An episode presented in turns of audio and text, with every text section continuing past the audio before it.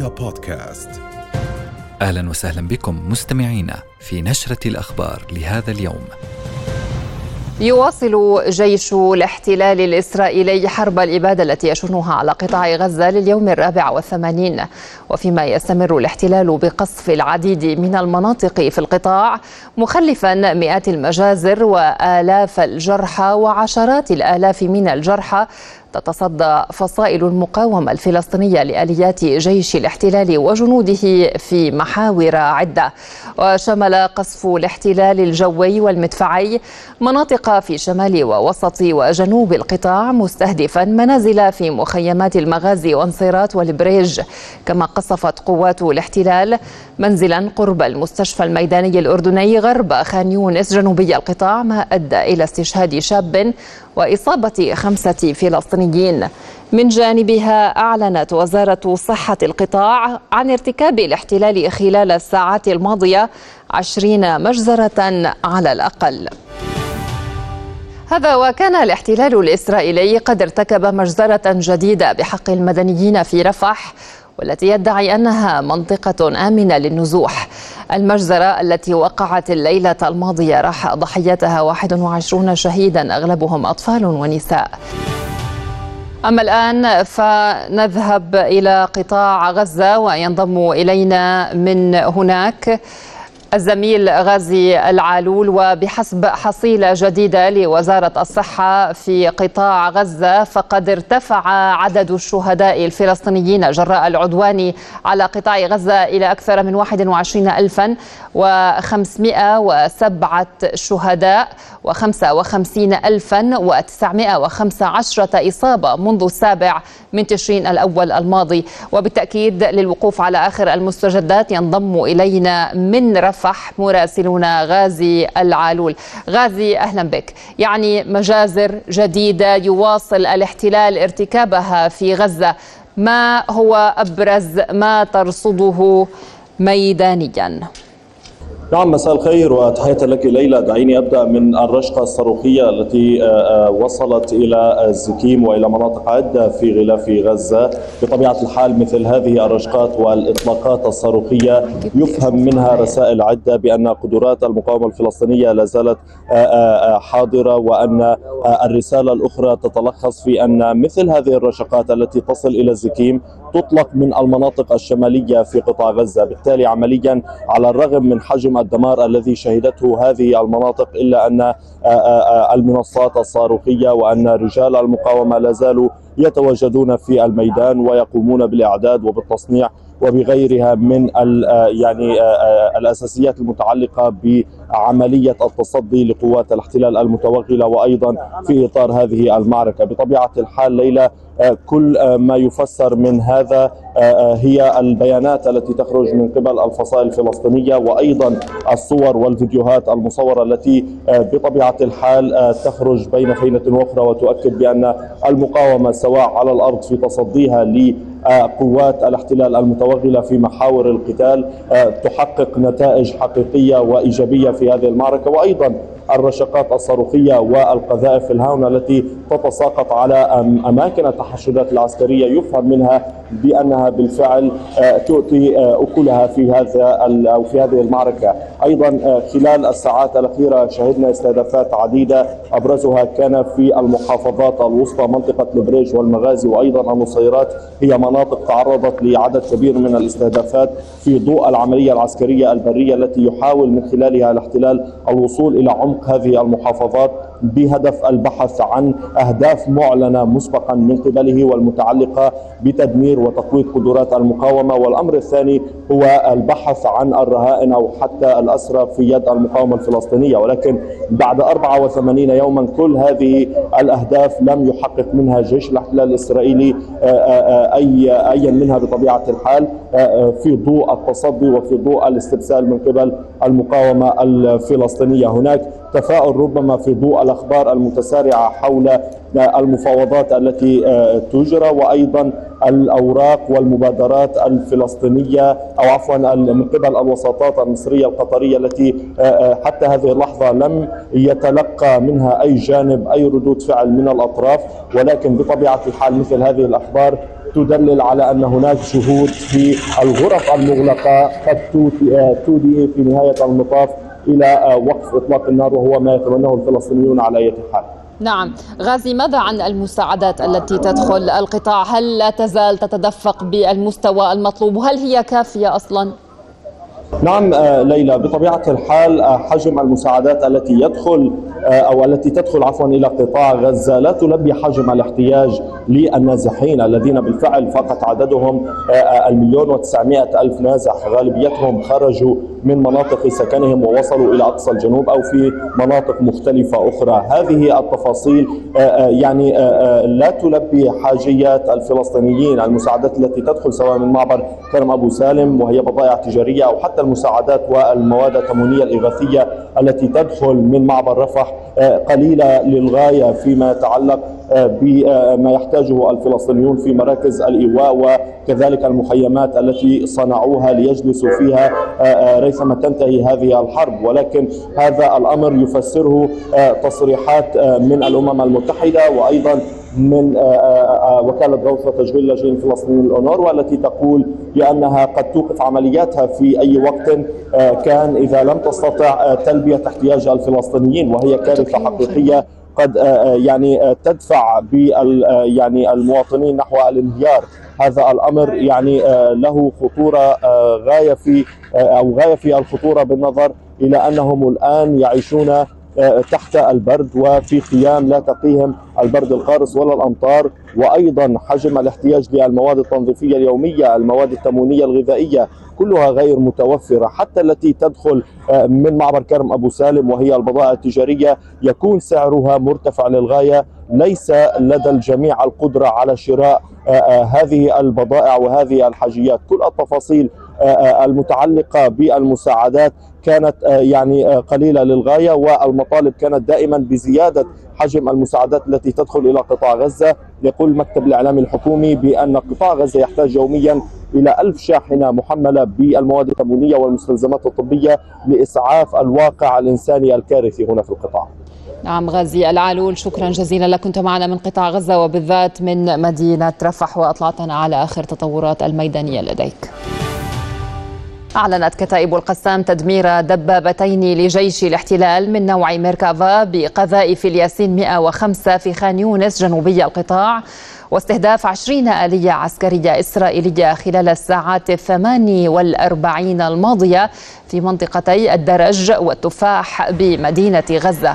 ووفق بيان كشفت كتائب القسام عن تفجير حقل ألغام في قوة مشاة لجيش الاحتلال وآليات عسكرية شمال مخيم البريج وسط القطاع. إلى ذلك أكدت الكتائب أن مقاتليها يخوضون اشتباكات ضارية مع قوات الاحتلال في منطقتي الشعف وجبل الريس شرق مدينة غزة موضحة تفجير مقاتليها عبوة مضادة للأفراد في قوة راجلة واستهداف قوة أخرى متحصنة في مبنى بقذيفة تي بي جي موقعين في صفوفهم عددا كبيرا من القتلى والجرحى. مع توسيع نطاق عملياته العسكرية في خان يونس جنوب قطاع غزة أعلن جيش الاحتلال مقتل ضابط وإصابة ضابط وجندي آخرين بجروح خطيرة خلال معارك شمالي القطاع ليصل عدد جرحاه إلى 51 خلال يومين. ويرتفع العدد المعلن رسميا لقتلى جيش الاحتلال الإسرائيلي منذ بدء العملية البرية في غزة في السابع والعشرين من تشرين الأول الماضي إلى 174 كما يرتفع العدد الإجمالي المعلن لقتلاه منذ عملية طوفان الأقصى في السابع من تشرين الأول الماضي إلى 502 بين ضابط وجندي. إلى ذلك أفادت إذاعة جيش الاحتلال بانضمام لواء سابع للقتال في معارك خان يونس جنوبي قطاع غزة. أكدت مصادر مطلعة توجه وفد من حماس إلى القاهرة اليوم لبحث المبادرة المصرية التي تهدف لإنهاء الحرب في غزة وفق ما أفاد به مسؤول في الحركة. إلا أن قياديا في حماس نفى ما أثير حول زيارة وفد من الحركة للقاهرة اليوم. القيادي أكد أنهم منفتحون على كل المباحثات ومع جميع الأطراف لكن في الوقت المناسب ومع الطرف المناسب حسب كل قضية يتم الحديث عنها على حد قوله. وكان من المنتظر وصول وفد حماس إلى القاهرة اليوم لمناقشة خطة مصرية تشمل ثلاث مراحل تنص على هدن قابلة للتمديد والإفراج التدريجي عن عشرات الأسرى الذين تحتجزهم حماس في مقابل إطلاق فلسطينيين يعتقلهم الاحتلال ما يؤدي في نهاية المطاف إلى التوصل لوقف العدوان على القطاع. وكانت المبادرة المصرية طرحت الأسبوع الماضي على مسؤولين من حركتي حماس والجهاد خلال زيارات قام بها قادة من الحركتين للقاهرة. وكانت المبادرة المصرية طرحت الأسبوع الماضي على مسؤولين من حركتي حماس والجهاد خلال زيارات قام بها قادة من الحركتين إلى القاهرة.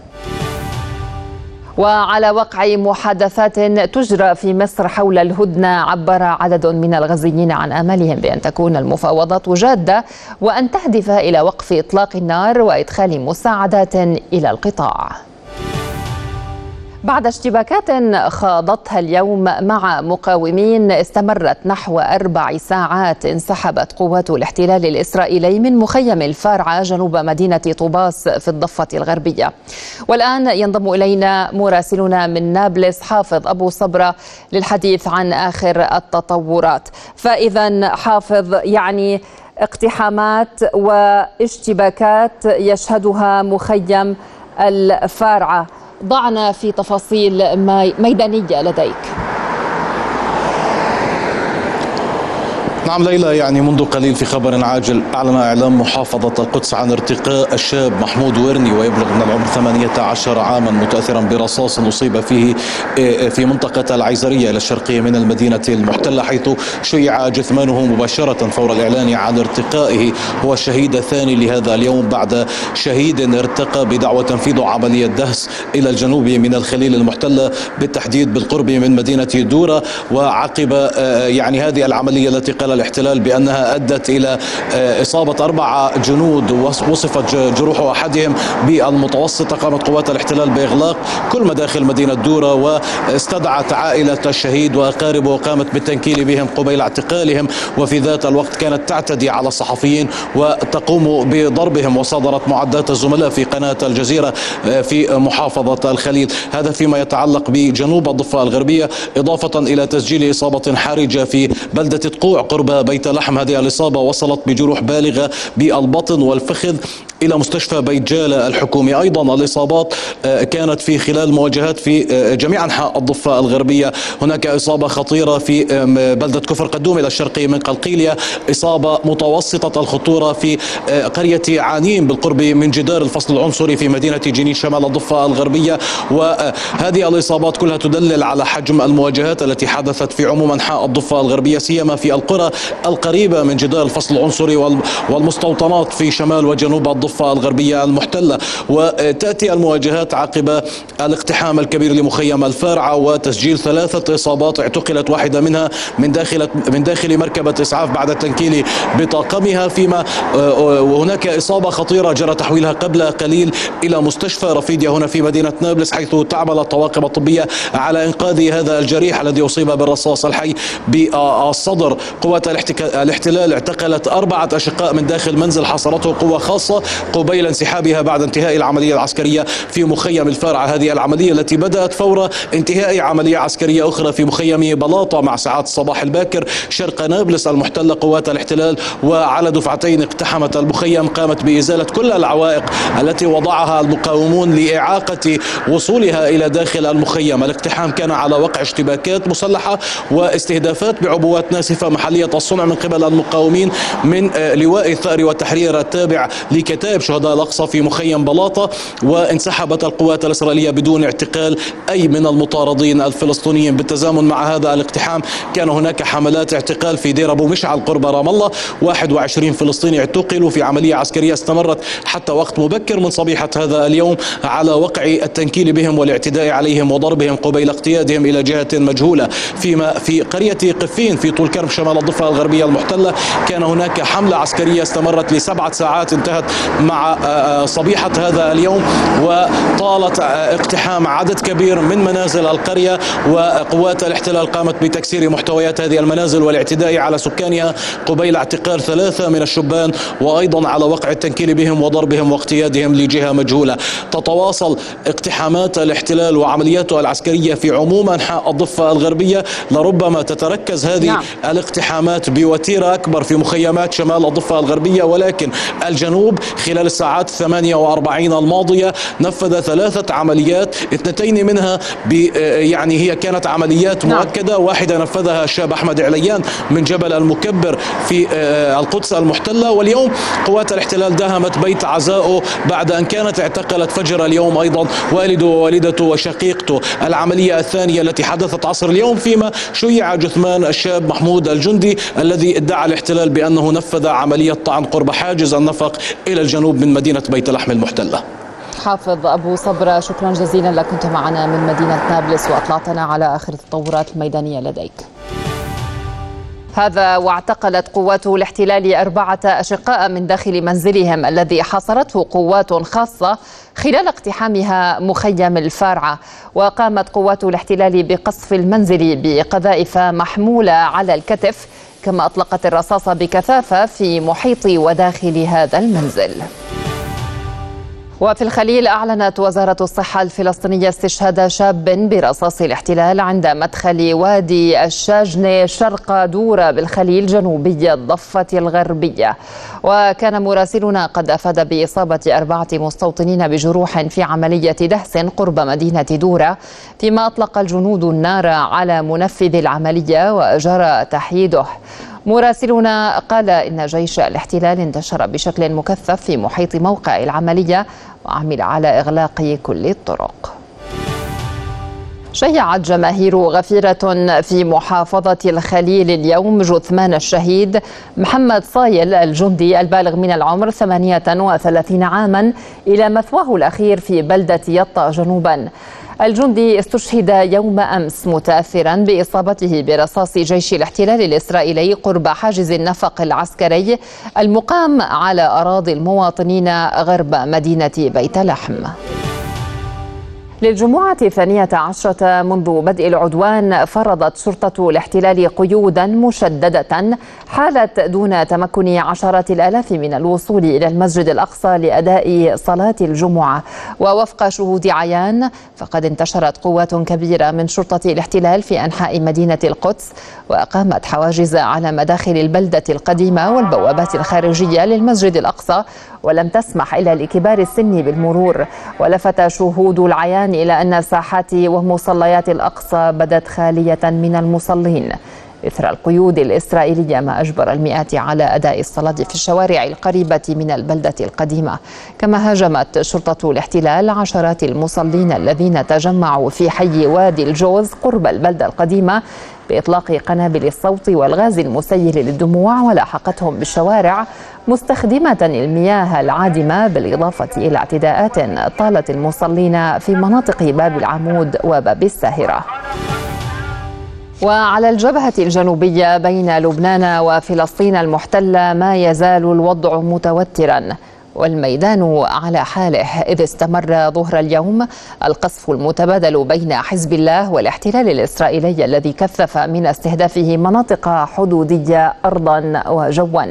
وشنت مسيرة إسرائيلية غارة على بلدتي عيترون ويارون في القطاع الأوسط ما تسبب باحتراق سيارة مدنية على طريق عيترون عملت فرق الدفاع المدني على إطفائها من دون إصابات. وعلى ضوء ذلك أعلن حزب الله أن عناصره استهدفت رافعة تحمل تجهيزات ومعدات تجسس في مزارع دوفيف وموقع حدب بيارون وإصابتهما إصابة مباشرة. وعلى وقع التطورات الميدانية ذكرت صحيفة إذاعوت أحرانوت أن إيران تسرع نقل أسلحة دقيقة إلى حزب الله استعدادا لصراع واسع النطاق في الشمال في حين أكد حزب الله أن كل اعتداء على المدنيين لن يمر دون رد بالأشد والأقسى.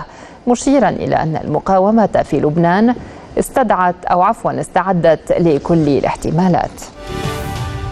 ومن بيروت تنضم إلينا مراسلتنا جوانا ناصر الدين جوانا أهلا بك. يعني الاحتلال يطلق عبر مسؤوليه تهديدات عالية النبرة تجاه لبنان. ضعينا في آخر التطورات لديك وما هي المعطيات حول كيفية التعامل مع هذه التهديدات عالية النبرة كما وصفت؟ وهل من الممكن أن تترجم على أرض الواقع؟ نعم مساء الخير ليلى. آه، اسمحي لي آه، في البداية أن أختصر آه، ما جرى في هذا اليوم. الجبهة الجنوب تعنف وبطبيعة الحال حزب الله يقوم بعمليات عسكرية نوعية والاحتلال يرد بعمليات أيضا تطال مختلف المناطق اللبنانية. نتحدث عن أن الاحتلال لا يتوانى عن قصف أو استهداف المدنيين.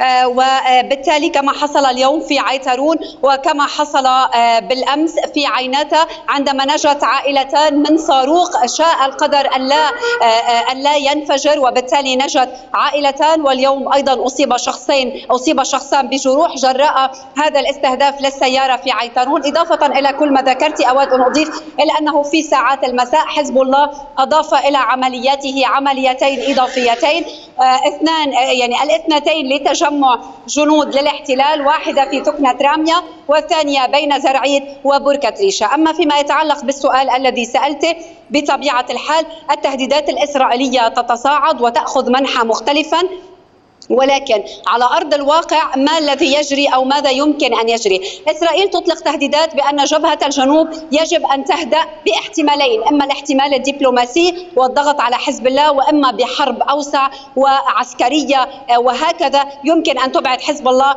عن الحدود اللبنانية، في الحالتين فشل الاحتلال حتى الآن في تحقيق هذا الموضوع لأن حزب الله لن يتوقف عن القيام بعملياته وفق ما يراها مناسبة وبطبيعة الحال الاحتلال لن يتمكن من القيام بعملية عسكرية واسعة في لبنان لأنه يعرف أن إمكانيات حزب الله وقدراته العسكرية كبيرة جدا. هذا يقودنا إلى الواقع على الأرض. وكما تقول مصادر سياسية ومصادر عسكرية لرؤية أسوأ الاحتمالات أو أكثرها ممكن أن نعود في جبهة الجنوب إلى السادس من أكتوبر بهذا الاتفاق الجزئي أو الملتوي بين مزدوجين سياسيا لتنفيذ القرار 1701 سيناريوهات كثيرة تطرح على الطاولة. أولها أن يعود أن تعود جبهة الجنوب اللبناني إلى ما كانت عليه قبل العام 2000 ماذا يعني ذلك؟ يعني طالما هناك حرب في غزة تبقى جبهة الجنوب في حالة حرب تبقى جزء من المناطق الحدودية في حالة حرب وجزء من المناطق الأخرى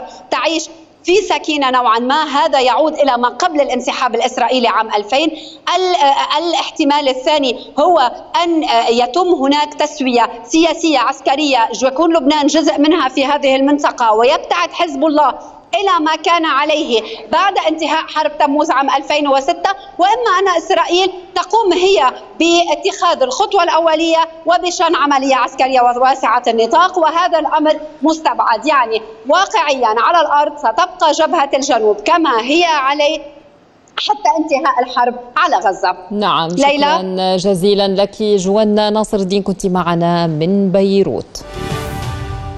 إلى ذلك حذرت بعثة الأمم المتحدة لحفظ السلام في لبنان اليونيفيل من حرب واسعة النطاق عقب تصاعد الاشتباكات الحدودية بين الاحتلال الإسرائيلي وحزب الله. وقالت المتحدثة باسم اليونيفيل كانديس أردل في تصريحات صحفية إن أي تبادل لإطلاق النار قد يؤدي إلى صراع أوسع نطاقا وأشارت إلى أن الاحتلال الإسرائيلي وحزب الله يتبادلان الهجمات في المنطقة الحدودية التي باتت يومية منذ بدء الحرب على غزة في السابع من تشرين الأول الماضي. أظهر استطلاع للرأي العام في تل أبيب تهاوي شعبية حزب الليكود اليميني برئاسة رئيس الوزراء بنيامين نتنياهو وسط زيادة الانتقادات الداخلية على تعامل حكومته مع ملف الأسرى في غزة وأهدافها المعلنة من العدوان على القطاع. وأفاد استطلاع أجرته القناة الثالثة عشر العبرية بحصول الليكود على 16 مقعدا فقط بالكنيست إذا أجريت انتخابات اليوم في حين يملك الليكود حاليا 32 نائبا في الكنيست المكون من 120 مقعدا.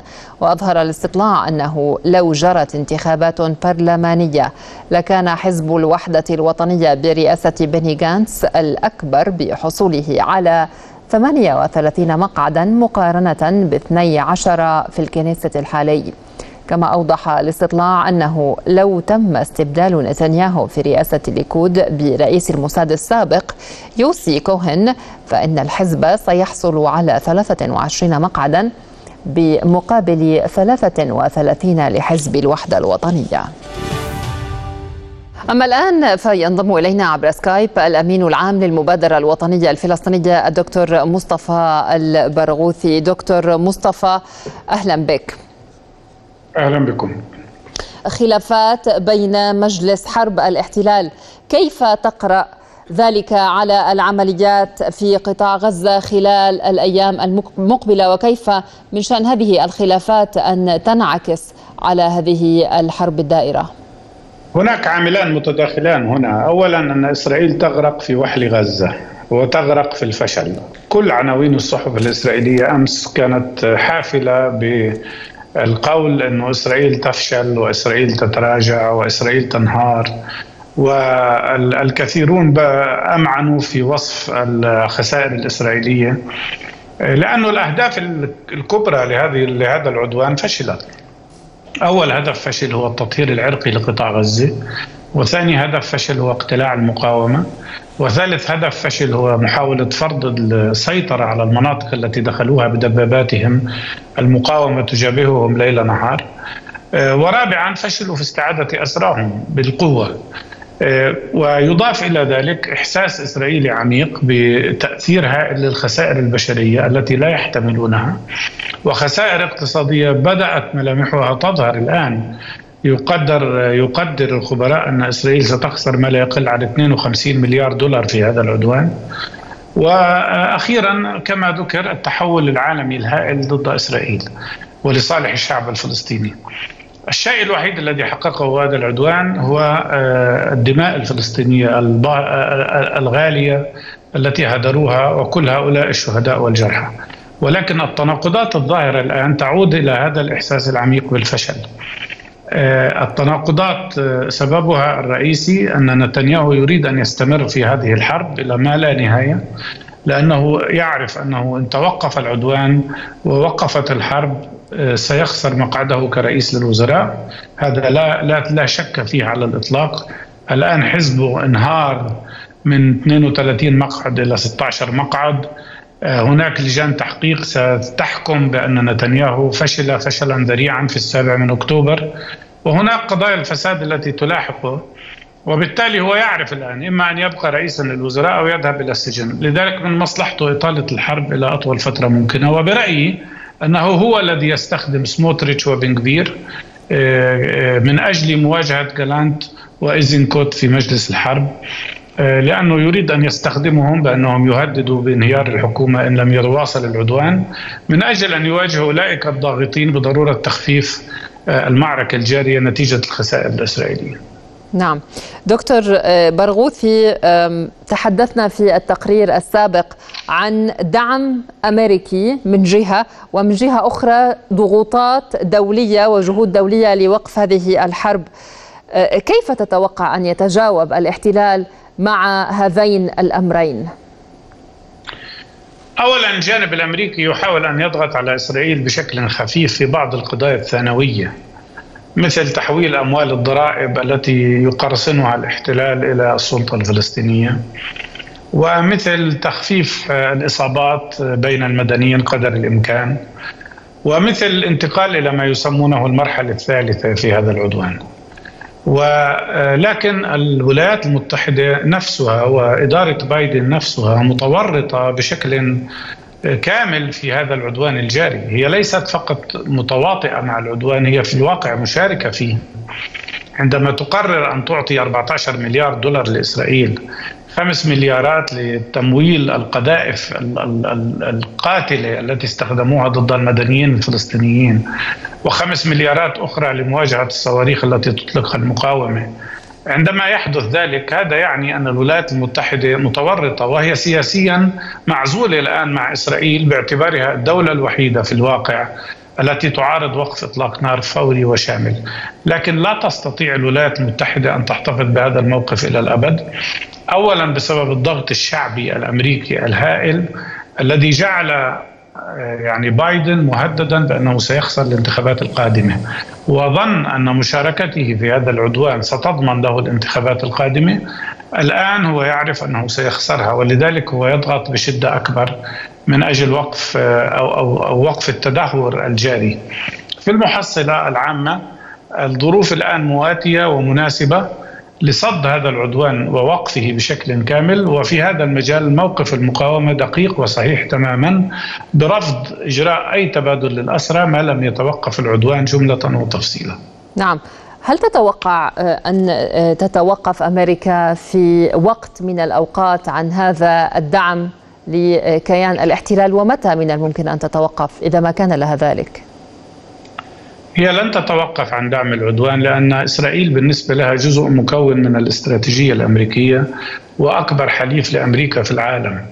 لذلك هي لن تتوقف عن دعم العدوان ولا الاحتلال ولا حتى الاجرام حتى وإن تأثرت مصالحها طبعا طبعا هي متأثرة مصالحها الآن وسمعه الولايات المتحدة في الحضيض ليس فقط في الشرق الأوسط بل في العالم بأسره. وهذا الوضع على فكرة يؤثر على وضع الغرب في أوكرانيا أيضا. ويؤثر عليهم في جنوب شرق آسيا.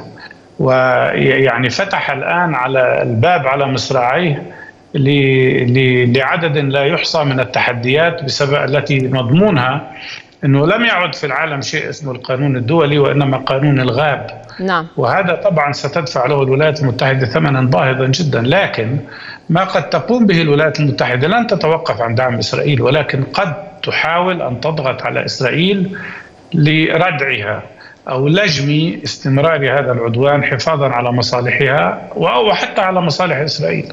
نعم. دكتور برغوثي قد ذكرت قبل قليل أن من مصلحة نتنياهو إطالة أمد هذه الحرب الدائرة رحاها الآن كي لا يزج به إلى السجن عقب فشله في السابع من أكتوبر وأيضا عقب فشله في إدارة هذه الحرب. يعني في ظل هذا الحديث هل نستطيع أن نقول أن هذه هي المشكلة في استمرار الحرب أم أن غزة اليوم تعتبر عقدة مزمنة بالنسبة لكيان الاحتلال وسط تأكيده على استمرار هذه الحرب لأشهر؟ غزة والاحت... و... وكل فلسطين عقدة للاحتلال عقدة كبيرة وهذه العقدة هي التي أرسلت كل رئيس لوزراء إسرائيل إلى إلى إلى نهايته السياسية. إما بسبب الفشل أو بسبب عدم القدرة على إدارة الأمور. ومن هؤلاء شارون ومن هؤلاء أولمرت ومن هؤلاء يهود باراك ومن هؤلاء تسيبي ليفني وآخرين. وأنا أعتقد ان وكما قلنا في ثاني يوم للعدوان أنا قلت أنه المقاومة الفلسطينية سترسل نتنياهو إلى نهايته السياسية. كل ما فشلت فيه المعارضة الإسرائيلية لنتنياهو والضغوط الخارجية على نتنياهو فشلت في إبعاده عن الصورة المقاومة ستبعده عن الصورة مرة وإلى الأبد. وهذا درس لكل أولئك الذين يشاركون في هذه الجرائم ضد الشعب الفلسطيني. هم لا يفهموا ما معنى ما معنى نفسية وعقلية وروح الإنسان الذي يناضل من أجل حريته والمستعد أن يستشهد عشر مرات ولا يستسلم. لا يفهم ذلك. وهم عاجزون كقوة استعمارية وعنصرية عن فهم نفسية الشعب الفلسطيني لأنهم يتعاملوا بعنصرية مع الفلسطينيين. لا يفهموا كيف يستطيع الفلسطيني الفقير والمضطهد والمحاصر أن يصنع أسلحة تجابههم وتواجههم. بقذيفة قيمتها 200 دولار تدمر دبابة يصنعونها قيمتها 7 ملايين دولار. لا يفهم كيف يستطيع شعب تحت الاحتلال أن يقاوم ويناضل بكل هذه البطولة والإصرار لأنه حاله مثل حال كل مستعمر في سابقا. كل المستعمرين لم يفهموا عقلية الشعوب التي نضلت ضد استعمارهم. حتى فشلوا وهزموا نعم. آه، دكتور برغوثي يتواجد وفد الآن من حركة حماس في القاهرة لبحث المبادرة المصرية لوقف إطلاق النار على غزة. بداية ما هي قراءتك لهذه المبادرة؟ وما هي الجهود التي من الممكن أن تدعم في الوصول إلى وقف لإطلاق النار والعودة إلى التهدئة مرة أخرى؟ أهم شيء أنه أولا لم يأتي رد إسرائيلي على المقترحات المصرية حتى الآن.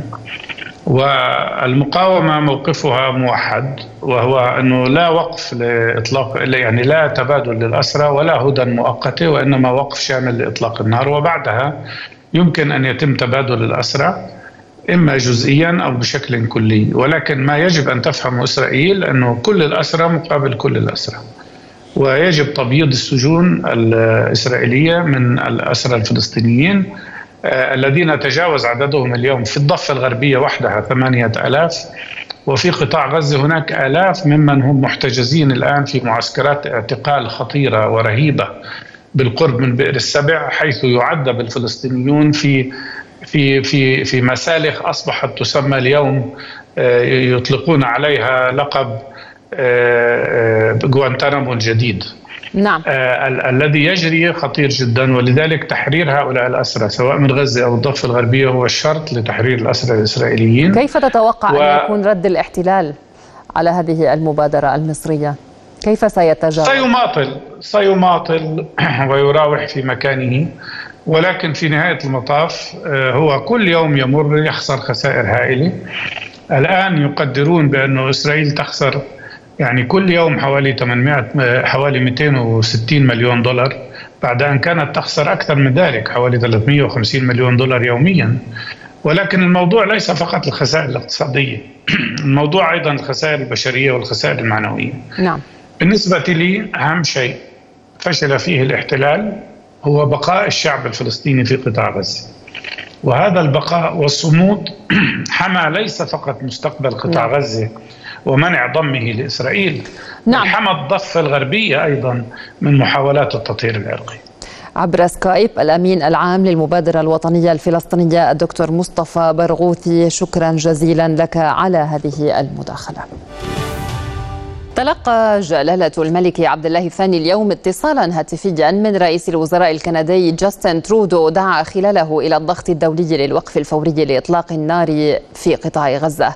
جلالته أكد على ضرورة حماية المدنيين وزيادة المساعدات الإنسانية إلى غزة وضمان إيصالها بشكل مستدام مشيرا إلى جهود الأردن بهذا الخصوص.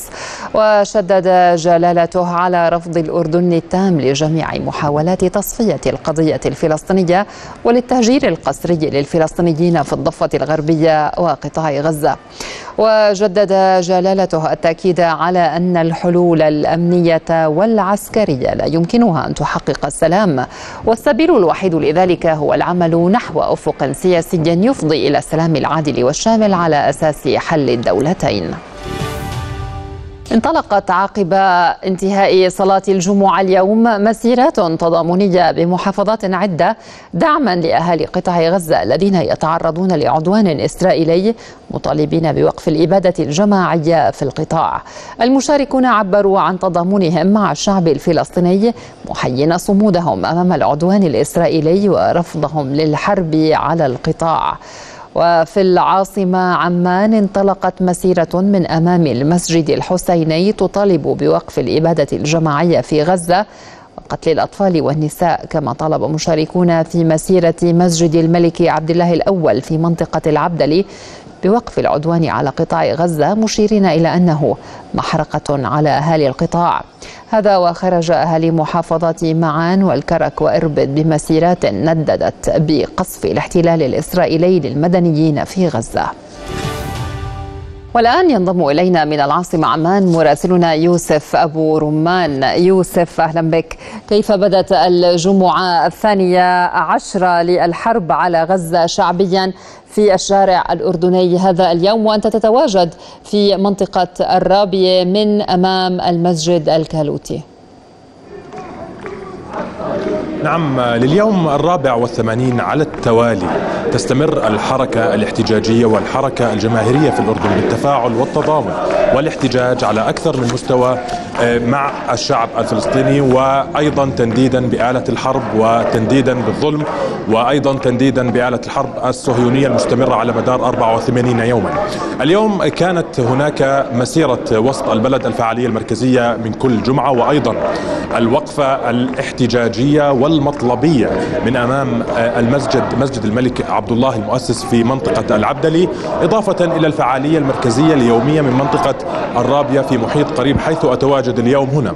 إذا ما تحدثنا عن الحركة الجماهيرية الأردنية على مدار ال 84 يوما الماضية فهي اتخذت عدة مستويات بدأت تضامنية وأيضا اتخذت مستويين مستوى احتجاجي احتجاجا على بعض ممارسات الموقف الرسمي مع الكيان الصهيوني كاتفاقية الغاز واتفاقية وادي عربة أيضا وتطورت إلى أن وصلت إلى احتجاجات ووقفات مطلبية تطالب من خلالها المتظاهرون الحكومة والموقف الرسمي بإلغاء هذه الاتفاقيات بشكل رسمي وبشكل شعبي وبشكل يعني يشكل الموقف الأردني. إذا ما تحدثنا بالمقارنة والقياس نتحدث عن أيضا أطول حراك أو أطول حراك جماهيري متعاطف ومتضامن على مدار ال 84 يوما في التاريخ السياسي الحديث في الأردن. إذا ما تحدثنا مقارنة مع المواقف العربية فهو الموقف اليومي. وإن كانت هذه الأعداد أحيانا رمزية لكنها آه، باعتبار أنها يومية فهي أيضا تكتسب زخمها من يوميتها وأيضا من تفاعل الشعب معها. بالقياس أيضا مع المواقف الشعبية العالمية يمكن أن نذكر ونقول عن آه، الاحتجاجات التي وصلت معظم مناطق الغرب وأيضا جميع دول العالم والتي بدت متعاطفة مع الشعب الفلسطيني وأيضا هذه الاحتجاجات تعرضت لمضايقات من آه، الدول الراعية فيها حيث هناك بعض القوانين التي قالت إن دعم المقاومة يعتبر معاداة للسميع حيث احتال القائمون على هذه الاحتجاجات برفع شعارات كرفع شعار آه، من البحر إلى النهر وهذا احتيال على القانون للتعبير عن موقفهم. هذا يأتي في إطار الزخم الشعبي التعاطفي باعتبار أن القضية الفلسطينية اليوم اكتسبت انصارا جدد يلتفون حولها من جميع أنحاء العالم. وهذا أيضا يعتبر مرآة تنعكس على الموقف الشعبي الأردني بالتوازي مع الموقف الرسمي. الرسمي الذي أيضا آه، عبر عن مواقفه مرارا من خلال بعض التصريحات الدبلوماسية الصارخة والتي أيضا اتخذت آه، صدى واسعا. تستمر هذه الحملة بأدوات آه، متعددة، كنا تحدثنا عن تعدد الأدوات الاحتجاجية التي تعامل معها الأردنيون على مدى الأسابيع الماضية والتي أيضا يعني جديدة وكانت مستجدة في التعامل في الشارع الأردني، كنا تحدثنا عن إضراب عام شكل صورة كبيرة في الأردن. وأيضا تحدثنا عن السلاسل البشرية الوقفات نعم. المسيرات الوقفات الصامتة أيضا تفاعل الأطفال مع هذه آه، الوقفات وهذه المسيرات في هذا الموقف الموحد. نعم يوسف أبو رمان من أمام المسجد الكالوتي في الرابية بالعاصمة عمان. شكرا جزيلا لك. كنت معنا من أمام وقفة تضامنية مع الأهل في قطاع غزة. قال الرئيس التونسي قيس سعيد إن بلاده تفعل كل ما في وسعها لمساعدة القضية الفلسطينية داعيا من سماهم أحرار العالم. إلى الوقوف إلى جانب الفلسطينيين وضد الصهيونية العالمية. وخلال إشرافه على مجلس وزاري أكد سعيد أن تونس على يقين بأن النصر آت وأن فلسطين ستتحرر وسيقيم الشعب الفلسطيني على أرض دولته المستقلة وعاصمتها القدس. كما أضاف الرئيس التونسي أن العالم بدأ يدخل مرحلة جديدة في تاريخه وستنتصر القيم الإنسانية على السياسات التي أدت إلى المآسي والمجاعات والحروب وفق قوله. وكان سعيد قد دعا في وقت سابق إلى تكثيف الجهود الدبلوماسية لخدمة القضية الفلسطينية ووقف العدوان الإسرائيلي المتواصل على قطاع غزة.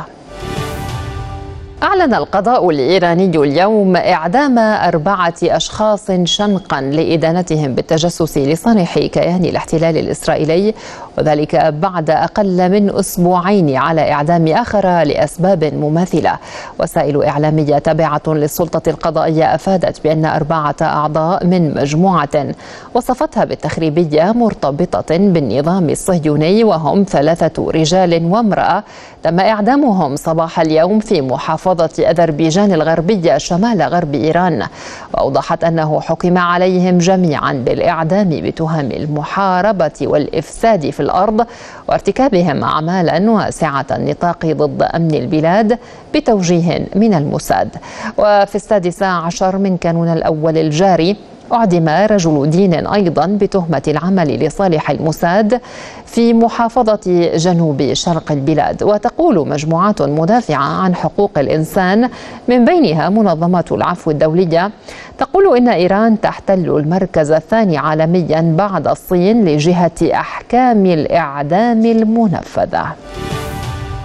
قال مايكل مارتن نائب رئيس الوزراء الأيرلندي إن العقوبات على المستوطنين الإسرائيليين المتطرفين الذين يعتدون على الفلسطينيين في الضفة الغربية يجب أن تكون أكثر من مجرد فرض حظر السفر عليهم. وسائل إعلام بريطانية قالت إن الولايات المتحدة والمملكة المتحدة أعلنتا أنهما سوف تحظران على مثل هؤلاء المستوطنين المتطرفين دخول بلاديهما في حين يدرس زعماء دول الاتحاد الأوروبي تنفيذ مقترحات مماثلة. وتابع المسؤول الأيرلندي في مؤتمر صحفي أن ما يحدث في الضفة الغربية هو أمر صادم. ويعتبر انتهاكا لقرارات الأمم المتحدة والقانون الدولي الإنساني. وأعاد مارتن التأكيد على أن ما يحدث في الضفه الغربية تزامنا مع الحرب على غزة يجب أن يتوقف فورا. أكد الرئيس الكوبي ميغيل دياز كانل أنه قد حان الأوان لأن تنتهي الهمجية التي تمارسها إسرائيل ضد الشعب الفلسطيني. وفي تدوينة عبر منصة إكس وصف كانل ما يجري في غزة بوصمة العار على الإنسانية وجرح كبير بالنسبة للقانون الدولي. وفي وقت سابق انتقد كانل بشدة العدوان الإسرائيلي المستمر على غزة بقوله سترفع كوبا صوتها دائما من أجل فلسطين. وبالعودة إلى محلياتنا يتقدم غدا السبت 29879 طالبا وطالبة من طلبة الدراسة الخاصة المسجلين في امتحانات الثانوية العامة التكميلية لثاني جلسات الامتحان موزعين على فروع التعليم الأكاديمي والمهني.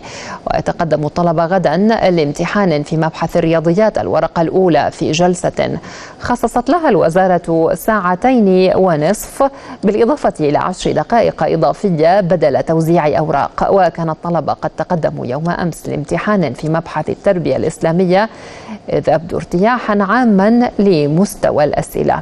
الوزارة دعت المشتركين إلى التأكد من برنامج الامتحان والمباحث المقررة والوقت المحدد لكل امتحان والالتزام بالتعليمات الناظمة له.